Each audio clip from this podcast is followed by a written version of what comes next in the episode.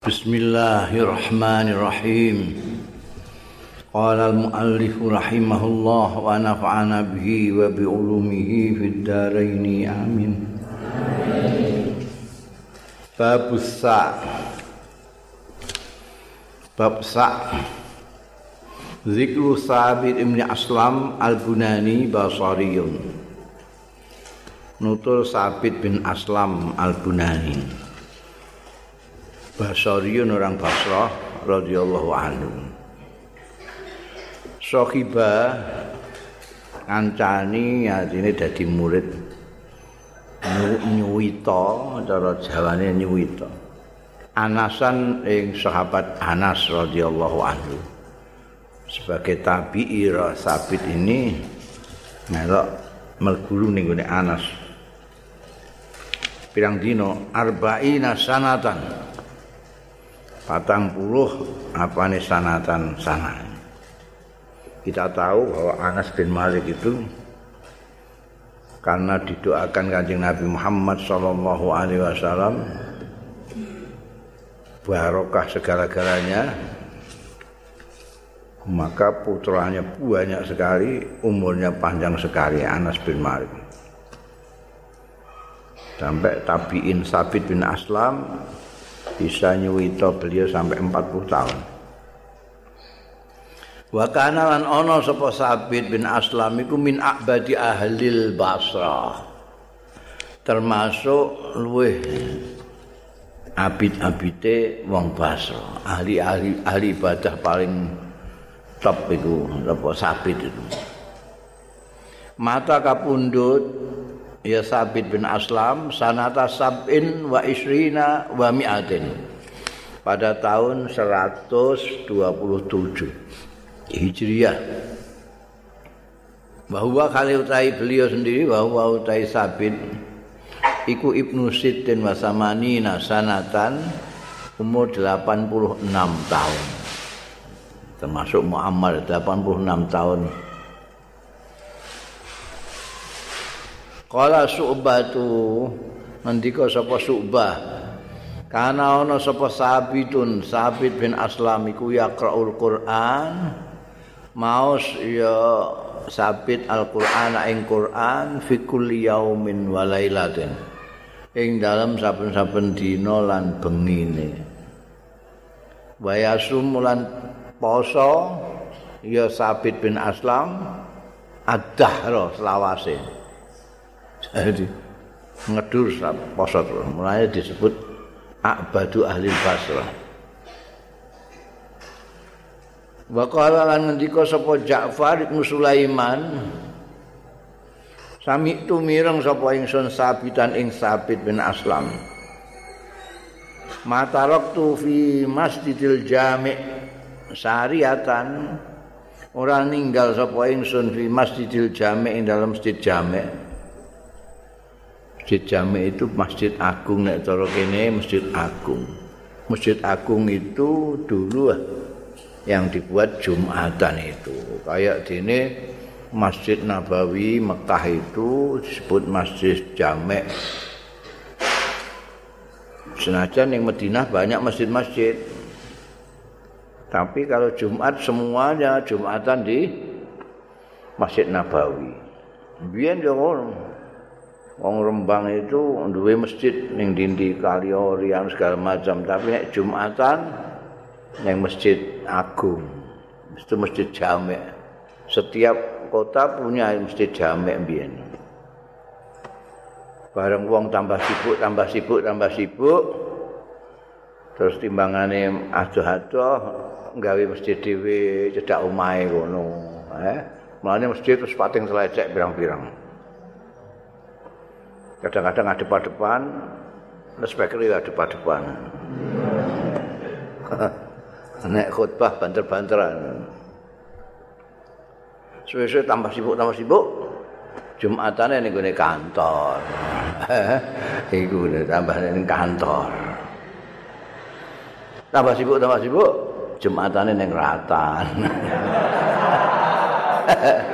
Itu kemajuannya wong Islam luar biasa. Dari masjid jamek ke ratan malaikat bengguyu mau ora.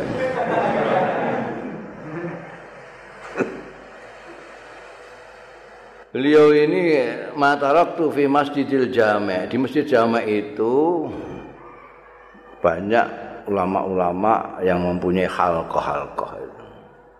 Setiap apa saka iki ana kursine gedhe engko pinarake ning kono itu. Dikupeng karo mereka yang mau ngaji. Masjidil Haram, mlane mbiyen ana Masyaihul Haram. ya kaya Syekh Umar Hamdan Syekh Fale terus ramane Said Muhammad iki Syekh Alawi Al Maliki oh ngaji nih ngene ngene Uga ning Masjidil Haram ning ngene Masjid Madinah yang ngono. Ning Masjid Mesir, Masjid Azhar juga gitu. Mereka punya soko, nanti orang tahu semua oh, ngaji fikih ning kono. ditafsir nek ana saiki saiki yen aku ngaji tasawuf wal akhlak ngene Syekh uh, Abdul Halim Mahfud Mahmud itu ya ning ngene masjid Khalqah itu iki dawuhe sabit mataraktu fi masjidil jami' syariatan ing saka illa waqat khatamtul quran indah Hanya kuwi teman-teman wis ngatamno sapa ingsun Al-Qur'ana ing Qur'an indah ana ing sandinge syariah. Babaka itulah nangis sapa ingsun indah ana sandinge syariah. Semua ning masjid jamek itu syariahnya semuanya sudah pernah menjadi saksi beliau menghatamkan Quran dan menangis. Membaca Quran itu sunai nangis. Gak iso nangis, tangis-tangis no. Ya. Ila fa idza lam tabki fatabak. Fa idza lam taku fatabakau. Gak iso gak iso nangis, nangis-nangis no. Kelingan medusmu mati tak apa. ngaji Quran gak nangis itu gak ngerti maknanya soalnya apa mulai digelender buan terira karuan ngungkuli bis malam ya. Waqala Ibrahim ibn Sammah Hadatsani alladzina kanu yamurruna bil jasi minal ashar Ibrahim As-Sammah cerita hadatsani nyritani ingsun sapa alazina kanu wong-wong sing ana yang muruna iku ngliwat bil jasi. Jasi itu uh, kapur itu mina itu tempat untuk makam. Itu biasanya ada kayak pagar yang terdiri dari aljas saiki orang nganggo jas nganggo apa? Sing putih-putih iki manane kapur batu kapur. Minal ashari yang dalam waktu-waktu sahur. Ceritanya pihak alazina kanu yang muruna. Kalau pada mengucap ya alazina, idha marorna, tatkala liwat kita bijana bati kubri sabitin, nek kene liwat ning pinggir-pinggire kuburane sabit. Pas lewat ngono, pas ning kono ana pas ngliwati ku embong tembok makame Sabit bin Aslan. Samikna krungu kita qiraatul Quran ing wacanan Quran. Berarti sampai ning kuburan bareng saya maca Quran. Eh? Wangking senenge maca Quran itu ngantek kuburane barang krungu. Ana beliau baca Quran. Masya Allah itu karomai sabit. Wa qala sabitun andiko sapa sabit As-salatu khidmatullah fil ardi. Utai sembahyang itu khidmah ning Gusti Allah fil ardi ing dalam bumi.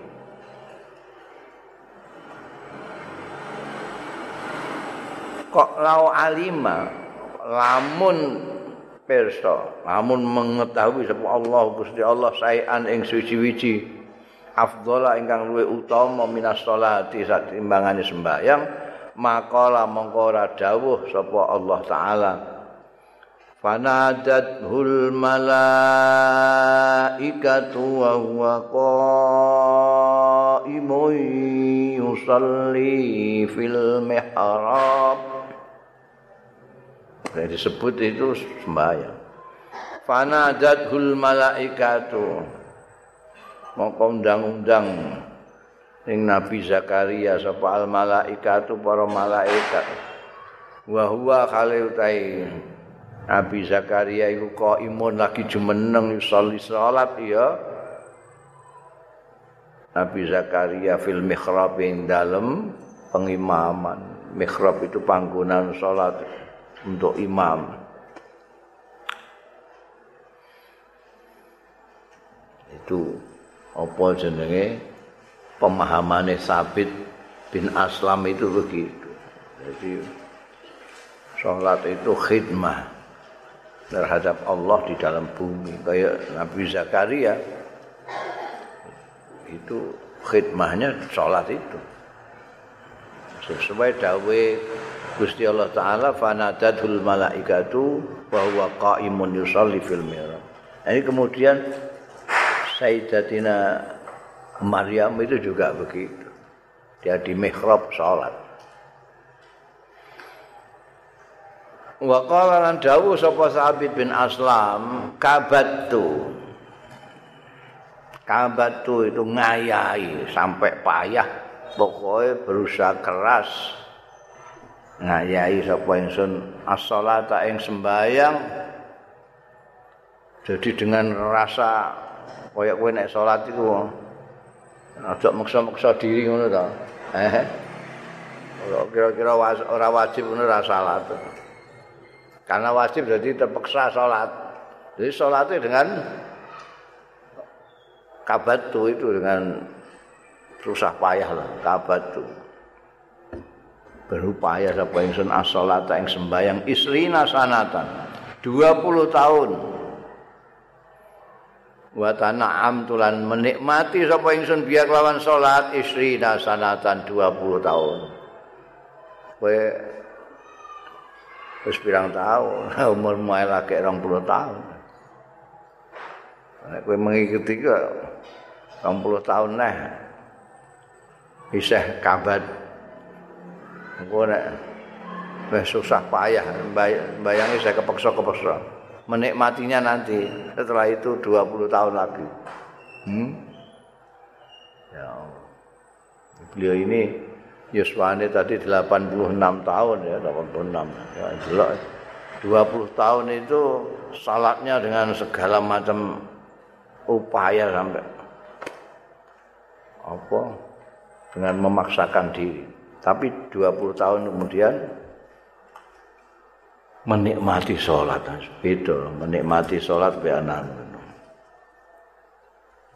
Itu ada proses, ada proses orang menyadari bahwa sholat itu anugerah Gusti Allah yang perlu dinikmati. Ada yang tidak merasakan itu. Karena itu, wong itu nek lunga kaji. Itu sebelum berangkat itu syukuran. Ketika pulang haji syukuran. Jadi minimal sekali syukur. Tapi umumnya ping minggu berangkat syukuran undang tangga-tanggane mulai syukurannya undang tangga-tanggane tapi nek sholat gak ono syukuran gak padahal podo-podo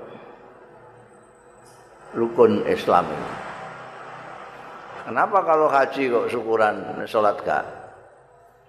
Karena seperti seperti biar apa selalu saya katakan orang bersyukur itu karena menyadari adanya anugerah, adanya kenikmatan.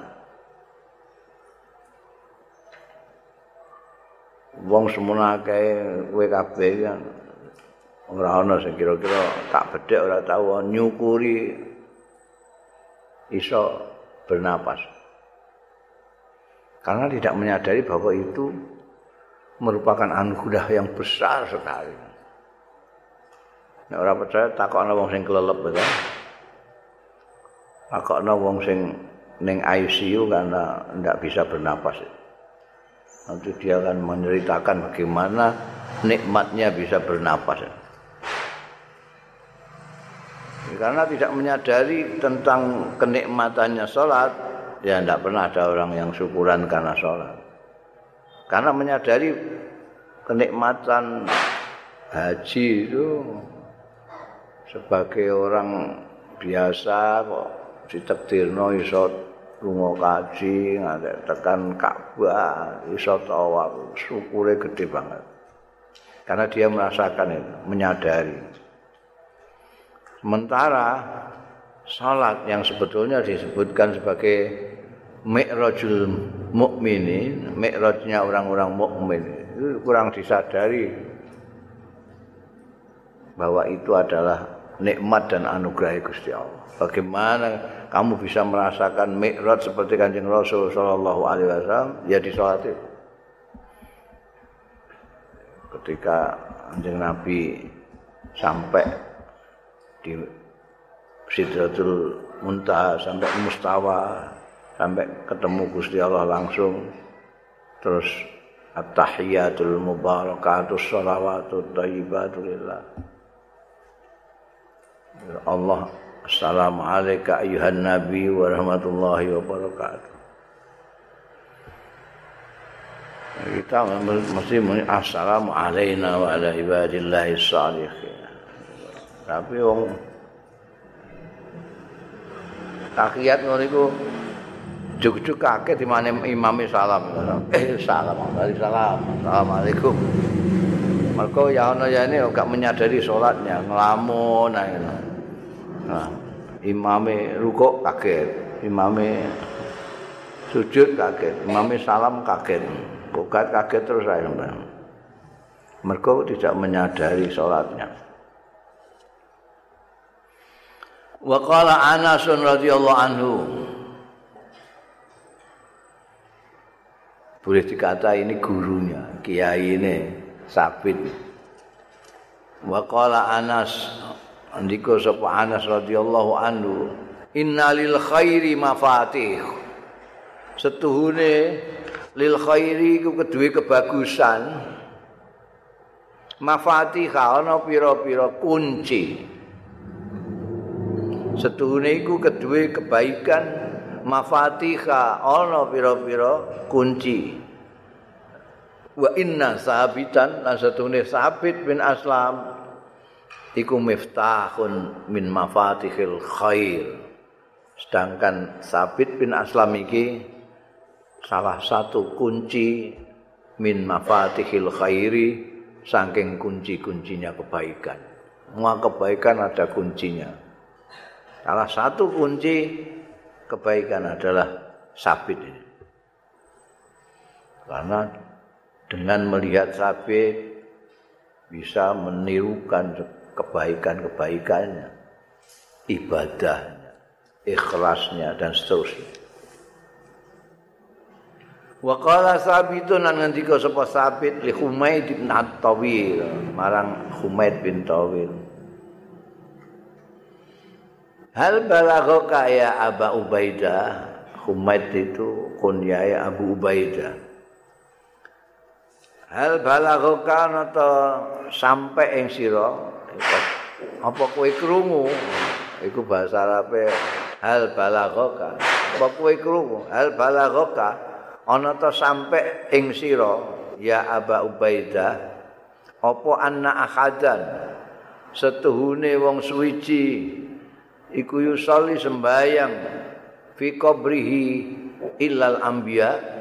Kowe apa tau krungu ana wong salat fi qabrihi ning gone kuburane ahad illal anbiya kejaba nabi-nabi. Kowe krungu ta? Tau krungu? Ana wong sembayang ning kuburan kecuali nabi lho kecuali nabi-nabi Buka kok nek salat apa nek salat ning kuburan akeh iku wong sing telat nyala apa nyembayangi jenazah ngono iku mesti dipendem ning kuburan ana sing ngadeg ning kuburan. Iga maksudnya ning jero kuburan iki lho. Wong mati wis ning jero kuburan salat iku kowe tau krungu ta ora? Lah, kala jawab sapa kumet atau wah mboten nate krungu kula. Duka nek nabi nggih tiang biasa mboten nate krungu. Para sabidun ndika sapa sabit ndonga Allahumma Duh Gusti in azinta lamun ngizini panjenengan li ahadin kangge seseorang kangge tunggaling tiang ngizinake ing ayu salia ento salat fi kubri dalam kubure ahad fa'adzin li sabitin kula aturi ngizini panjenengan li sabitin kangge sabit menika. Ayu salia ento salat ya sabit fi kubri ing dalam kuburane. Sabit dungane ngono. Nek jenengan munajate ning Gusti Allah Gusti menawi menjenengan ngizini seseorang menika salat tengene kuburane panjenengan izini sabit niki salat teng kuburan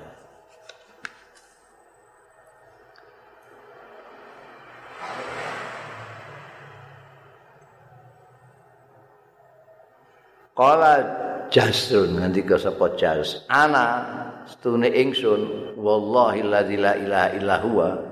Aku demi Allah alladzi la ilaha illa huwa kang ora ana pangeran sinembah illa huwa kejaba ladzi Allah. Iku adkhaltu melok nglebokno sapa ingsun sabita al bunani lahdahu ing liang lahate sabit. Aku iku wallahi melok nglebokno nglebokno jenazah sabit al-bunani ning liang landa. Apa liang lahate sabit. Wa ma'i lan iku satane ingsun Humaid Atawil. Iku saksine Humaid bin Tawil. Mergo aku nglebokno ning liang lahat iku bareng karo Humaid Atawil.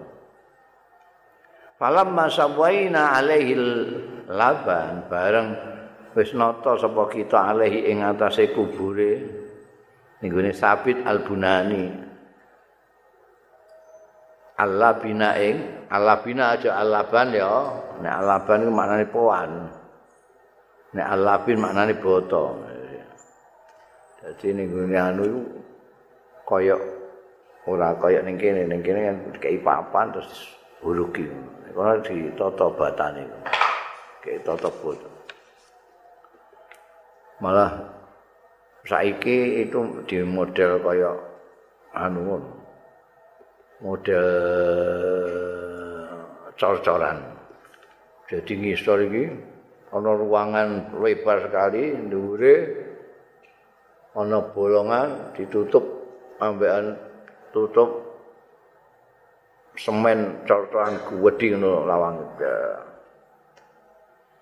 Jadi ana sing mati mudun ngisor diletakkan aja situ. Liang lahat sak wara. Wes tutup neh jrek. Saiki ngono. Dhuwure dikai kaya masjid ngono. Cilik kubah. Tanda bahwa itu kuburan. Biasanya sak jedingan ngene iki ya sak keluarga.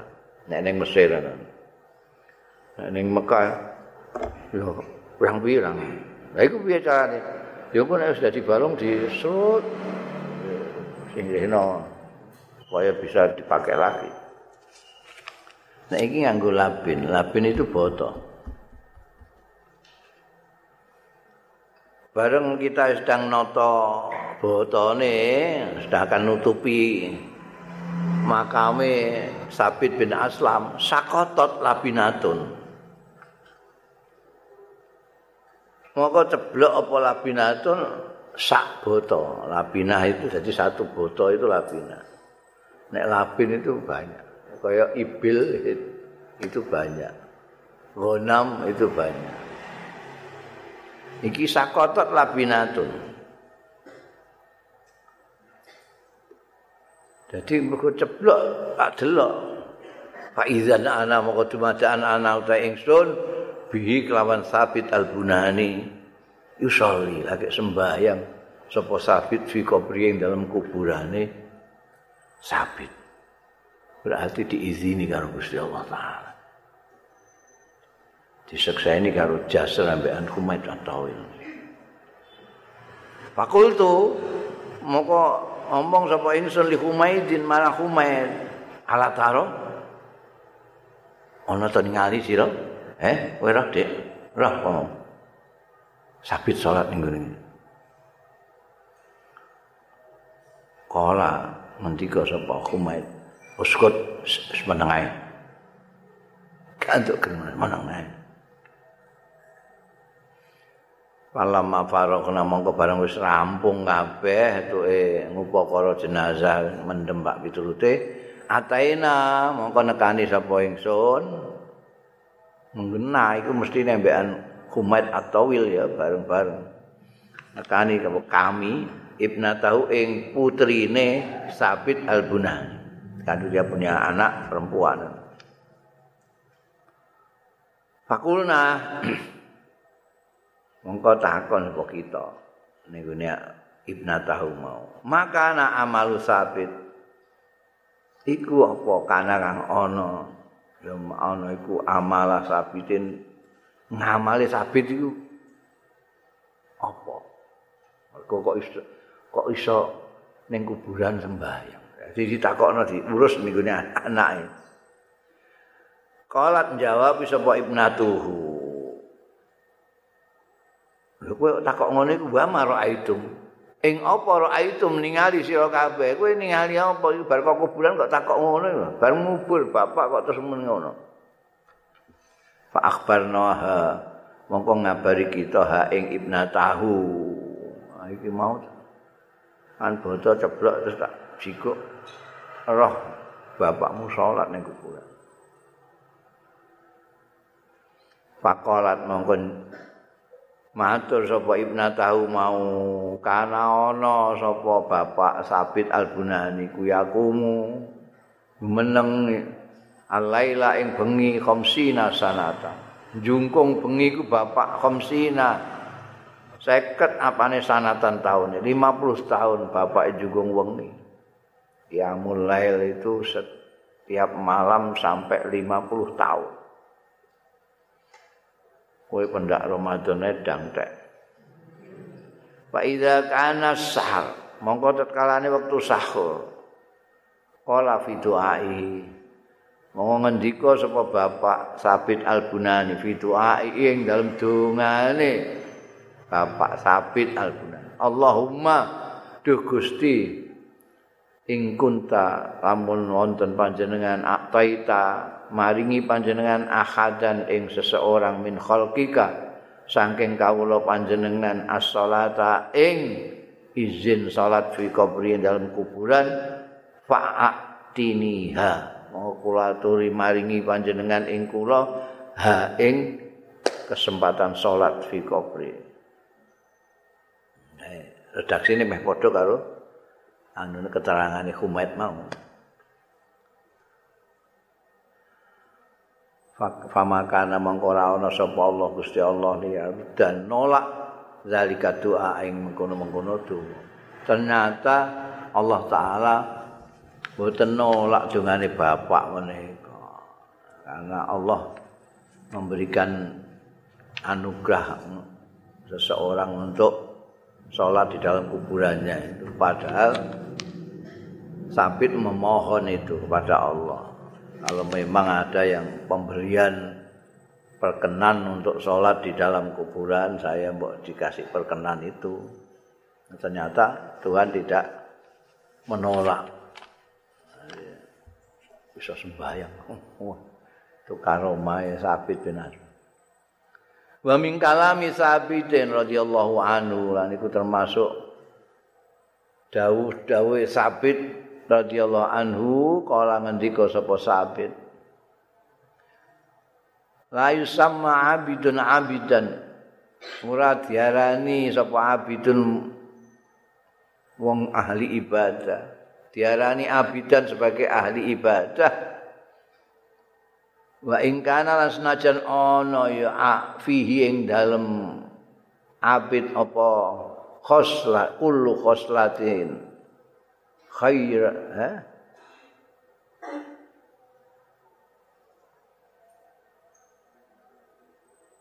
khoslatin khairatin ana ana khairatan iku lah apa ya? Nengane kok grate tangane ana fihi ing dalem. Abid apa kulo khoslatin saben-saben tingkah khairatin sing bagus hatta takuna sehingga ana fi ing dalem abid apa hatanil khoslatani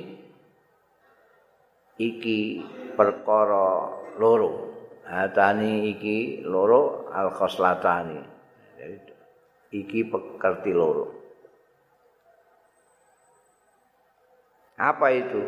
As-saum was-shalah. Kenapa? Li annahu makrana saum was-shalat itu min lahmihi. Saking daginge abid wadamilan darahnya abid. Oh, itu pernyataannya satu. Seorang belum bisa disebut ahli ibadah meskipun dia bagus lah perilakunya itu apik kabeh.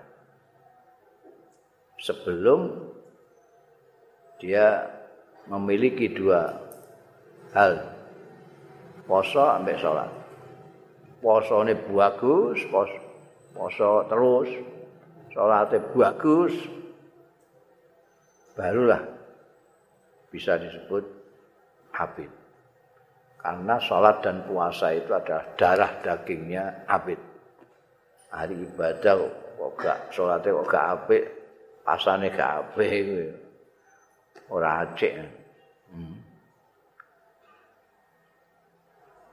wa qala al harami ista'ana rajulun njaluk tulung sapa rajulun wong lanang bisa bidin al bunani marang sabit al bunani alal qadi ing atase hakim fi hajatin ing dalam sijining hajat. Ada seseorang mempunyai hajat pada seorang hakim. Terus minta tolong sabit adunane. Kula sampean terno tengene qadi niku. Ajeng nagih utang apa ajeng njaluk duit enggak ngerti. Pokoke duwe hajat faja'ala la yamuru bi masjidin faja'ala muga dadi ya sabit al-bunani la yamuru ora liwat. Ya sabit al-bunani bi masjidin ana ing sucining masjid. Illa nazalah. Kejaba mandap ya sabit al-bunani fa shalla mongko sembayang sapa al-bunani. Khatan taha ilal qadi sehingga sampai ya sabit ilal qadi marang hakim tersebut. Eh, menuju ke tempatnya hakim itu loh jangan masjid lah yang salat. Masjid salat. Hubine salat. Sampai ke tempatnya kodi hakim tadi. Fakal lamahu. Monggo ngendikani ya sabit al bunani hu ing kodi fi hajatir rajuli ing dalam hajate wong lanang sing njaluk tulung mau. Faqadha. Mongko maringi ya memberikan sapa qadi ha ing hajatul rajul. Wes kasil njalukno rajul mau. Fa akbala sabitun. Mongko madhep sapa sabit ala rajuli ngatasé wong lanang mau sing njaluk tulung Faqala mongko ngendika sapa sabit la'allahu wa menawa kelakuan iku sakka alaika berat alaika yang ada sira apa ma barang ro aita kang ningali sira. Ketoke kok berat ya kowe mudan-mudun salat mudan-mudun salat. Kala matur terus terang sapa rajul na'am. Nggih. Mboten nate ngoten niku mudan-mudan salat. Udune salat neh terus terang muni naam nggih. Berat kala dawuh sapa sabit al-bunani ma itu salatan. Ora salat sapa ingsun salatan ing salat sak salatan. Illa talabtu kejaba njaluk nyuwun sapa ingsun ilallahi taala maring Gusti Allah taala fi hajatika dalam hajatira wis kandhani ya kowe kok muni keberatan? Wah aku salat-salat bolak-balik iku njalukno kowe ben hajatmu iku kasil. Eh. Nek saiki kasil. Kowe keberatan iki piye? Hmm. Wa qala lan dawu sapa sabit bin Aslam fi du'aihi dalam dungane sabit. Ya ba'isa ya waris ya ba'isu ya warisu la tada'ni fardan wa anta khairul warisin ya baisu duh zat kang nanekake. Manungsa kok kuburan. Ya warisu. Zat kang marisi. Wape wis gak ora wape. Karek Gusti Allah sapa nang sing gak maris Gusti Allah. Ya warisu. La tadani mugi mboten ngumbaraken panjenengan. Jangan membiarkan engkau ing ingsun fardan sendirian. La tadakni fardan. Wa anta utai panjenengan iku khairul warisin. Sak bagus-baguse sing marisi segala macam. Iki Rabbi la tadakni fardan wa anta khairul warisin. Ini donga ning Quran yang digunakan. Ini ditambahi ya baisu ya warisu Ini Quran kayak kan Rabbila tazalni ora tadakni Rabbila tazalni fardan wa anta khairul warisin. Ini biasanya tinggal dungo wong sing gak di anak gak di anak itu suwe gak di anak semua. Maca Rabbila tazalni fardan wa anta khairul warisin. Wa qala ma'ala ahadikum ma'ala hadikum kaya apa iku ala hadikum berat ing atase awakira kabeh. Ayat kura ing yen to zikir sapa hadukum Allah Gusti Allah fi kulli yaumin. Ing dalam saben dina saatan sak saat saja sak jam ae. Bayar bahu yaumah mongko. Bejo untung mendapat keuntungan sapa hadukum yaumahu ing sedinane ahadukum yang bikin kalian tuh berat itu lah ngapain untuk zikir Gusti Allah hanya satu jam sehari. Kamu itu sehari 24 jam. Gue satu jam aja zikir. Lah itu labanya, keuntungannya kamu hanya satu jam itu seluruh hari kamu 24 jam. Kok keberatan itu? Caramu menghitung dagang itu gimana? Hitungan dagang. Satu jam keuntungannya 24 jam. Kok keberatan itu ya? Ma'ala hatikum. Kenapa keberatan ala hatikum? Wa qala dawuh sapa sabit bin Aslam, tuba liman zakara sa'atal maut. Bejo kemayangan temen, liman tumraping wong zakara kang kelingan yaman saatal maut ing saate mati.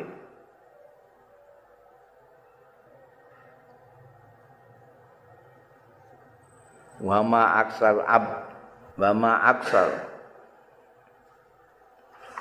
Aduh akeh akeh banget abdun kawula. Zakara sing nutur sing eling ya abdun al maut utawa ora usah takjub. Wa ma aksara ora ngokeh-ngokehake ngono. Wa ma aksara ora ngokeh-ngokehake sapa abdun kawula. Zikrul mauti ing nutur eling mati illa ru'ya. Kejaba di kaweruhi apa zalika mengkono-mengkono akeh zikrul maut fi amalihi ing dalem ngamale abdun Jadi dari amalnya itu kita bisa melihat orang ini banyak kelingan mati apa orang. Saiki ketoke ora ana sing kelingan mati itu. Wong cengengesan kabeh. Nek biyen ketara wong iki ndilu nangis. Ah, ketoke kok piye pucet terus ngamale bangsa ngamal akhirat, ngamal dunia sampean. Yo ketara nek iki pancen akeh tuke eling mati. Nek saiki sing sampean kan amal akhirat. Amal dunia sing pokok. Amal akhirat bangsa salat barang itu sampean. Mulane kok umpamane gak wajib yo ora disambi salat itu. Ora dilakoni. Mbiyen iku akeh. Sing ning donya iku ora pati semangat tapi nganggo akhirat semangat. Dan itu kelihatan sekali dari cara mengingat kematian itu. Wa qala al-lail wan nahar abbaun wa isruna sa'atan. Ngendika sapa sabit Al-Bunani Allah itu wan nahar utawi sewengi wan nahar lan sedina iku arbaun wa isruna saatan itu 24 apane saatan jam 24 jam sehari itu.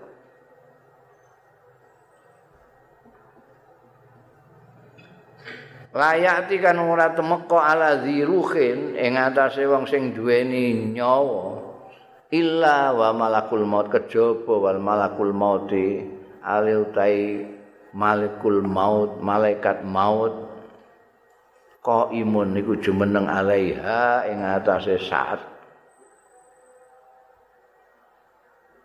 saat sing 24 mau. Fa in umira mongko lamun diperintah ya malakul maut bikob dia kelawan jabut ruhe wong. Kobatoha mongko jabut sapa malakul maut ha ing nyawa. Wa illa lamun ora zahabalu. Oh. Jadi 24 jam itu kowe iku ditunggoni malaikat mau. Karek ngenteni ngono ta ya malaikat malakul maut ngenteni kowe nek perintah jabut dit ngono ae langsung jabut eh nek ora ya liyane neh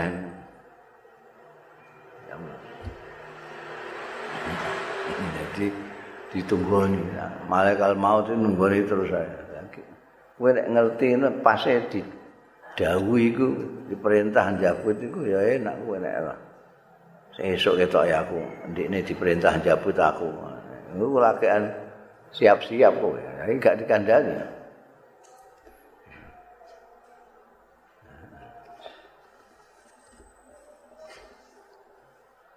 Biyen zamane Nabi Sulaiman.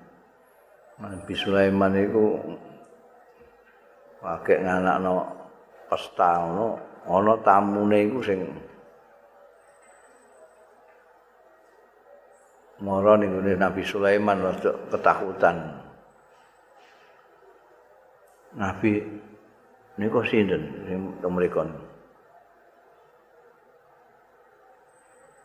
Lho kuwi gak kenal. Ya mboten melane kula tangketaken jenengan mergo kula mboten kenal. Kenapa kok takok? Ket mau ngingeti kula mon, mentelengi kula terus mawon. Sinten niku? Lho ya iku sing jenenge Israel ya iku. Loh, malaikat maut. Iya. Wah. Medeni kok ngoten. Jenengan utusan angin kula ken beto kula teng gunung mereka gunung kapo gunung Turesina nah, kan ngundang angin iki cek ning gunung puncak gunung anu kae eh. tekan kalau cert Israel ning kono. Israel ning kono. Kuwi tak anteni ngantek tak tiliki barang ning gone Sulaiman kono. Wong catetane kowe iku jabute ning kene iki kok. Catetane jabute ning gone dhuwur gunung iki kok kowe ning kono iki apa piye? Kayak jenenge kutuk malani sunduk. Wa Muhammad bin Sabit Al-Bunani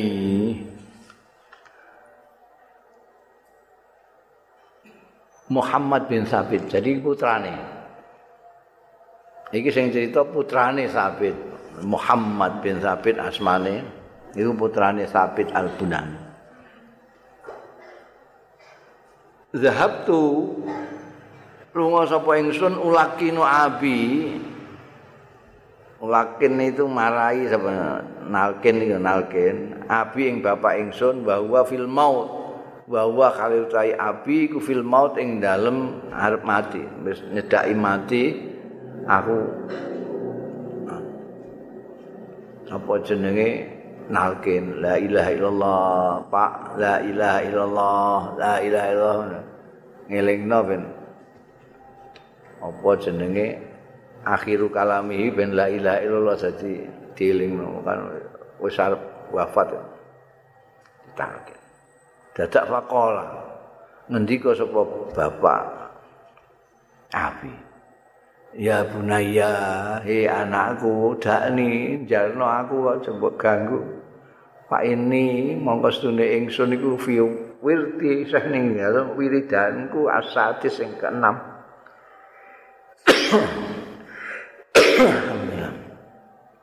Au qala asadis. Aku wiridan kula agek tekan 6. Mbok ganggu ah.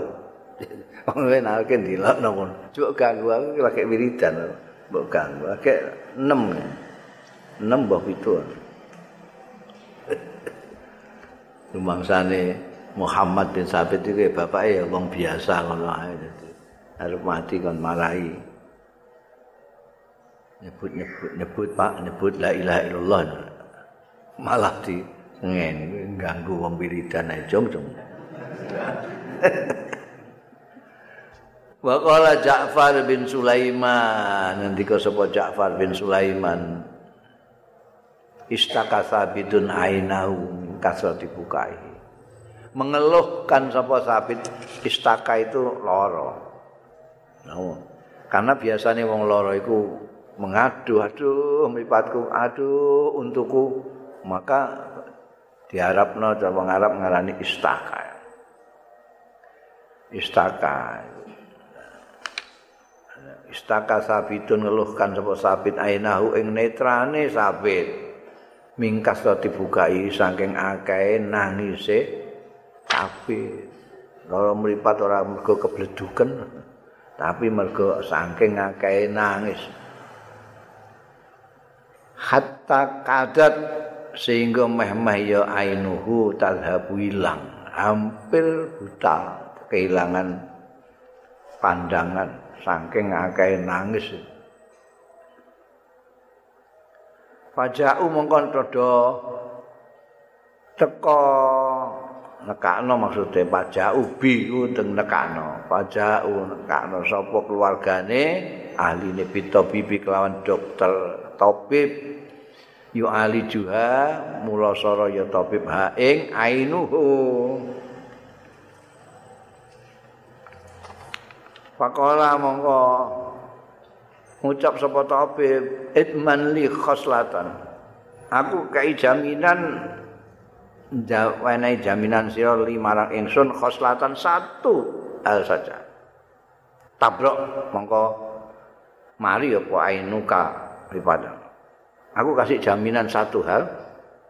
Saya jamin lipat mari. Ola ngendika sapa sabit. Wa mahia. Iku apa? Ya ya khoslah. Satu hal itu apa? Sing harus saya jaminkan ke sampean. Qala la tabki. jaminan pokoknya kudu aja nangis kowe ora nanti kalau po topik latap aja nangis sampean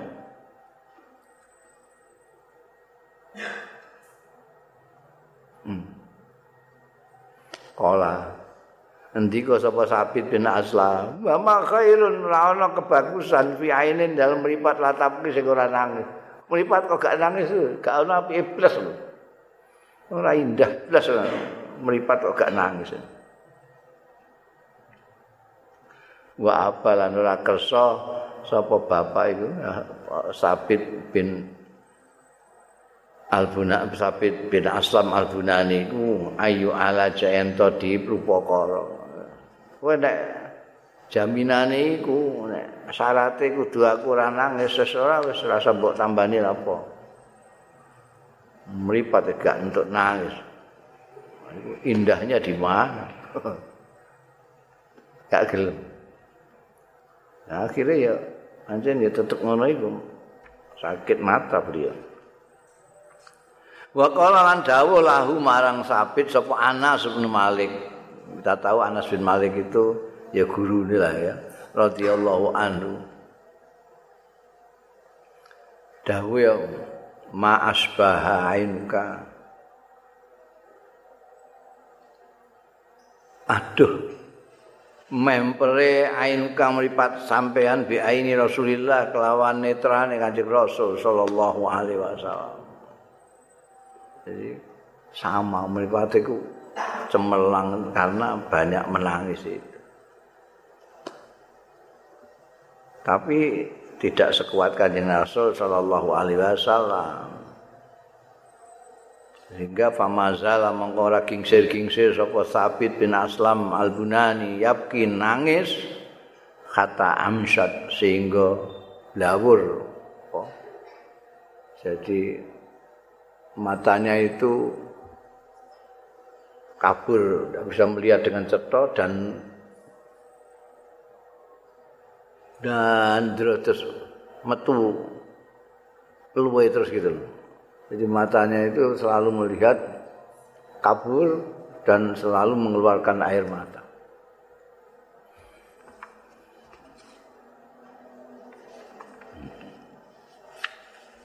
Faslun qala sabitun ngendika sapa sabit kana Daud alaihissalam ana sapa Daud alaihissalam yutilus shalah yaitu uswahnya itu nabi-nabi. Ngendika ana ana sapa Daud alaihissalam, Nabi Daud alaihissalam. Ana iku yutil shalah, ndawak-ndawakno ya Daud as-shalata ing sembahyang. Sumayar kau dawa maca surat iku. Sumayar kau mongko keri-keri rukuk sapa Nabi Dawud. Sumayar fa'ura sahu. Banjur ngangkat mustakane Nabi Dawud. Sumaya kulu mongko ngendika Nabi Dawud. Ilaika dateng panjenengan Gusti rafa'tu ra'si. Ngangkat kula ra'si ing sirah kula. Ya amiras sama' Duh, zat kang ngramekake makmurake langit.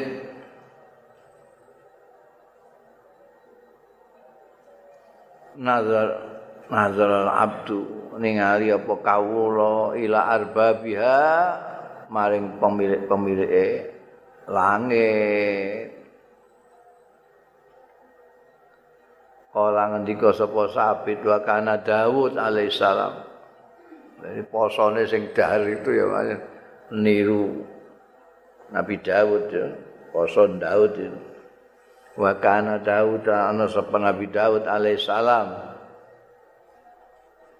Iku jazaa mbagi sapa Daud saat laili ing saat-saat bengi wan nahari lan awan ala ahlihi ing atase keluargane Nabi Daud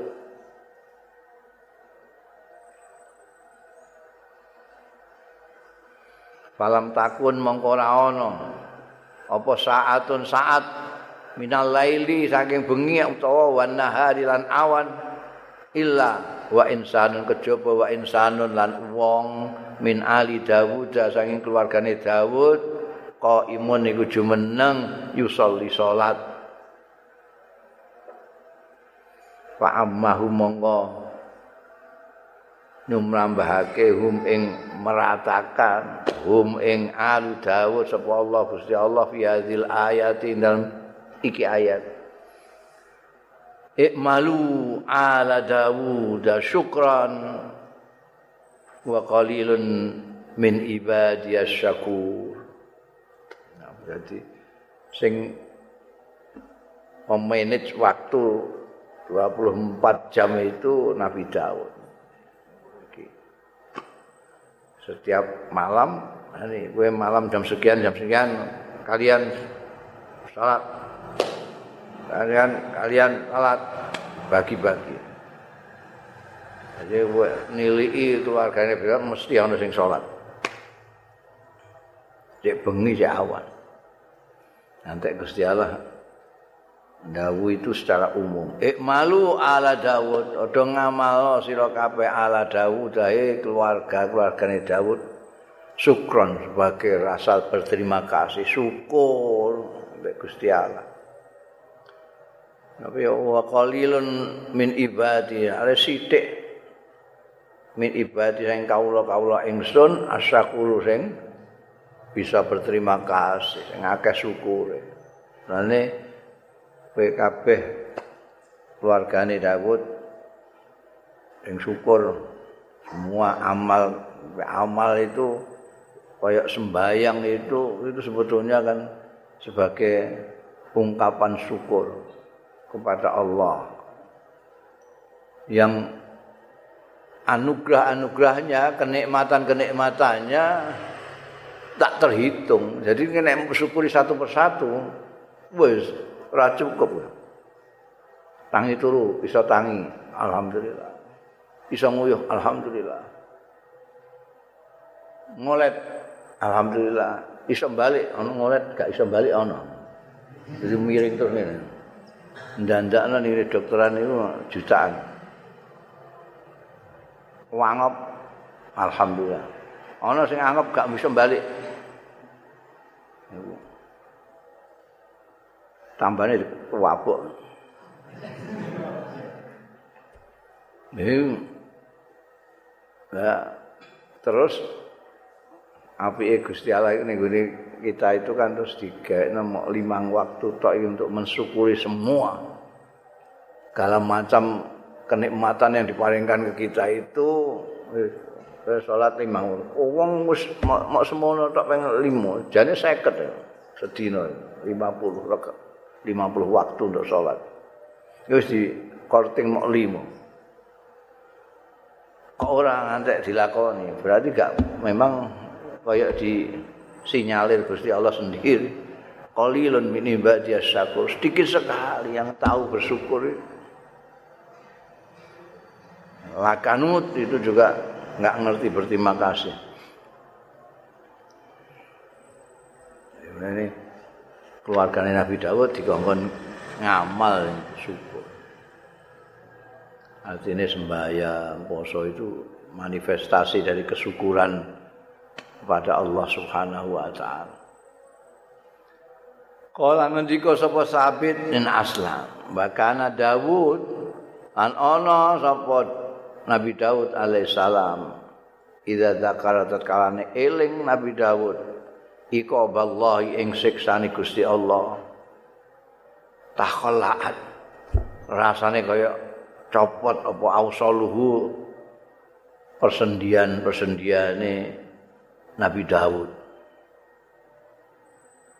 Laya sudduha ora iso mbalekno anteng meneh ing ausol illal unsu kejaba gutuk apa bahasa Indonesia ini gutuk hmm? Kowe gawe ini tak takoki ngono kok gak siap-siap tuku kamu sapa-apa. Al unsu gutuk kowe nek ketemu karo kancamu sing cocok banget kowe kancamu itu. Kowe terus ngobrol nganti gak ngerti tak jam gak ngerti anu. Gutuke dah. Itu al unsum. Apa bahasanya? Kowe gak duwe kanca sing ngono iku. Kanca sing banget mukhalite cocok, ketemu wis masyaallah gutuke mulai subuh nganti awan ini ngobrol gak barbar karena ada rasa ya guduk itu rasa al-uns itu. Apa? Plorak-plorak mesti gak iso. Itu aku ya mau iso butuh itu tok. Gak iso liyane. Iku mau. Biasanya kekasih dengan kekasih itu ada al-unsur di situ. Ngomong bareng, seneng melaku bareng, rasanya nyaman. Kebalikannya wahs. Temu wong sing gak pati seneng oleh Ngomong rasanya pengen lunga ae. Tapi kok gak enak kabeh nek tinggal lunga. Jadi terpaksa ditunggoni, tapi rasanya wah. Kosok langsung unsin. Apa itu? Apa? Hah? Apa? Hah? Hah? Akrab itu perseduluran nih. Kowe akrab mbek dulur mbek kancamu itu, karena akrabmu itu kowe nek ketemu itu gutuk. Rasanya ada perasaan nyaman yang ketok eman-eman nek nek pisah. Enak-enak ngobrol sitoke lunga iku kaya gak oleh gandung wis usah. Usah, durung tutup tuh ngomong ngono. Saking gutuk. Gutuk itu. Nek tak takokno gutuk iku bahasa liyane apa? Indonesia. Dolekno iku iku al-uns. Nek gak ono ya gutuk itu dadekno bahasa Indonesia. Wah. Tergutuk-gutuk. iya. Lho iku iku kudu apa. Bahasa itu kan berkembang. Biyen ora ono apa kremus bareng kau. Bahasa Indonesia kremus juga. Iku sing ngopilano Bung Karno Kita kremus. Nek sing ngomong itu apa publik figur itu sudah jadi jadi bahasa. Kayak kan banyak bahasa-bahasa prokem, bahasa milenial kenakeh itu. Sing asalnya tidak ada. Eh? Apa contohnya apa, Fi? Kowe sing bocah milenial Eh? Apa kata-kata sing anyar-anyar itu lho? Eh? Nah, malah gak ngerti aku kanyaran. Iku kanyaran iku biar ana membli apa terus apa jenenge iku kepo. Biar zaman aku anu gak ana kepo itu. Sekarang ada kepo. Ada baper. Dan itu sudah menjadi bahasa kita. Engko nek diperbarui ya mestine kudu setiap saat kamus itu harus diperbarui terus. Supaya bahasa kita itu hidup itu. Bahasa kita itu ya ngambil dari mana kontroversi, korupsi barang kan anyar itu. Biar kau. Nah, diperbarui terus kamus itu penol. Kita masukkan gutuk itu. Alangkah gutuknya mereka. Bergutuk-gutukan. Itu al-unsu. Jadi Nabi Dawud itu kalau teringat siksanya Allah yang pedih sekali itu takhalat. Uh, kayak copot-copot Ini baru bisa kembali tenang kalau ada guduk itu tadi. Laya sudua ilal unsu. Apa? Guduknya ketika apa? Faidah zakaro. Mau tetalane eling sapa Nabi Daud zikir rahmatallahi ing rahmate Gusti Allah tarajaat. Monggo dadi bali apa ausaluhu. Makanya harus ada selalu orang mukmin itu selalu harus ada keseimbangan antara eling ikope Gusti Allah mbek eling rahmate Gusti Allah. Kowe nek eling rahmate Gusti Allah tok ya dodur kowe. Tapi nek eling ikope Gusti Allah ya nungas nangis ae. Ya Allah ya Allah. Ya nek ngono iku kowe pas dhewean lah nek ning padi-padi lagi dadi nganten. Dipotrek karo wong-wong. Lho kok iku ngantene kok nangis kok piye? Usut punya usut eling ikope Gusti Allah. Mesti ini wayahe ngono iku eling rahmati Gusti Allah Jadi harus imbang. Antara roja ambek khauf kalau kalau eling ikabullah itu khauf. Eling rahmati Allah raja jadi kita tidak boleh roja terus tanpa khauf juga tidak boleh khauf saja tanpa roja harus imbang. Kalau kita sudah terlalu roja kita ke khauf. Kalau terlalu seneng itu eling aja ikabnya Allah wa an sabitin lan saking sabit bin aslam an rajulin saking seseorang laki-laki minal ubat saking ahli-ahli ibadah. Anau setuhune rajul iku kala ndika sapa rajul inilah a'lamu kina yadkuruni rabbi. Setuhune ingsun la a'lamu yakti ngerti sapa ingsun. Kina yadkuruni rabbi kapan? Nalikane eling ing ingsun sapa Rabbi pangeran? Ingsun. Ana wong muni. Aku iku ngerti kapan Gusti Allah mengingat saya sebagai hambanya? Kapan saya diingat oleh Allah oleh pangeranku itu? Saya tahu. Muni ngono terus sekolah ikhwanuhu. Ngucap kanca-kancane rajul mau. Wa mata dalik kan kapan iku mengkono-mengkono kowe dieling karo Gusti Allah iku. Kala jawab sapa rajul, "Idza dzakartuhu zakarani." Iku tetkalane aku kelingan Gusti Allah. Nalika aku zikir Gusti Allah, zakarani. Monggo Gusti Allah ya eling nutur. Zikir itu seperti sudah berkali-kali saya katakan, itu bahasa Arab lafaz yang mempunyai arti ganda.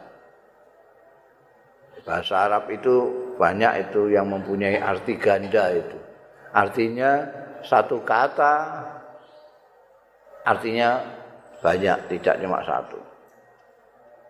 Minimal ada dua. Seperti zakaro yang zikir itu bisa berarti mengingat dengan pikiran, bisa berarti nutur menyebut dengan lisan. Kemudian dalam istilah mujahadah, istilah wong sepi, dua-duanya dipakai. Jadi zikir itu juga menutur pakai lisan, juga mengingat dengan hati. La ilaha illallah, mulut mengucapkan kalimat thayyibah, hatinya eling Gusti Allah. Zikir. Idza zakartuhu zakarani. Aku ngerti ketika saya zikir mesti Allah ingat saya.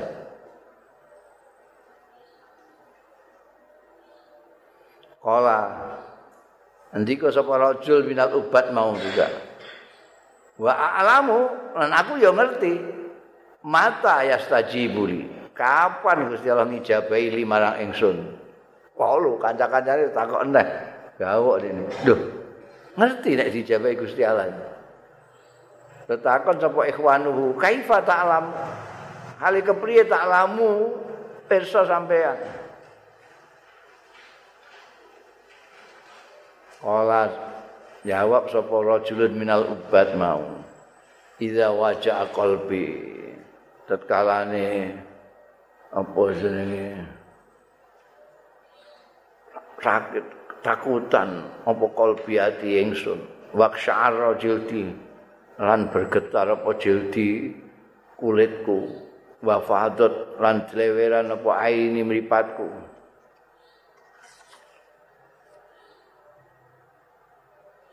Afuti kali fit doa lan dibuka li kedua ingsun fit doa yang dalam.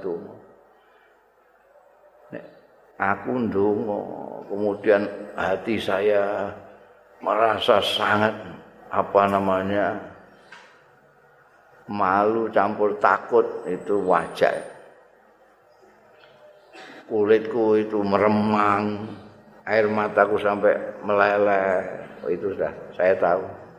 Itu Tuhan akan mengijabah itu aku. Oh, ya iki donga ambekan setengah Melayu. Assalamualaikum warahmatullahi Wah, Bapak Nati Nabi Dunia Hasan Rabbana atina fid dunya hasanah wa fil akhirati wis ngadeg hasanahe mbek Melayu. Ya gak ngerti kowe. Dijabahi apa ora mbek Gusti Allah. Nah, iki sampai dirasakan itu berarti dihayati betul nyuwune tenan. Ngantek wajah qalbu wa sya'ara jildu wa fadat ainu. Babul jim bab jim wallahu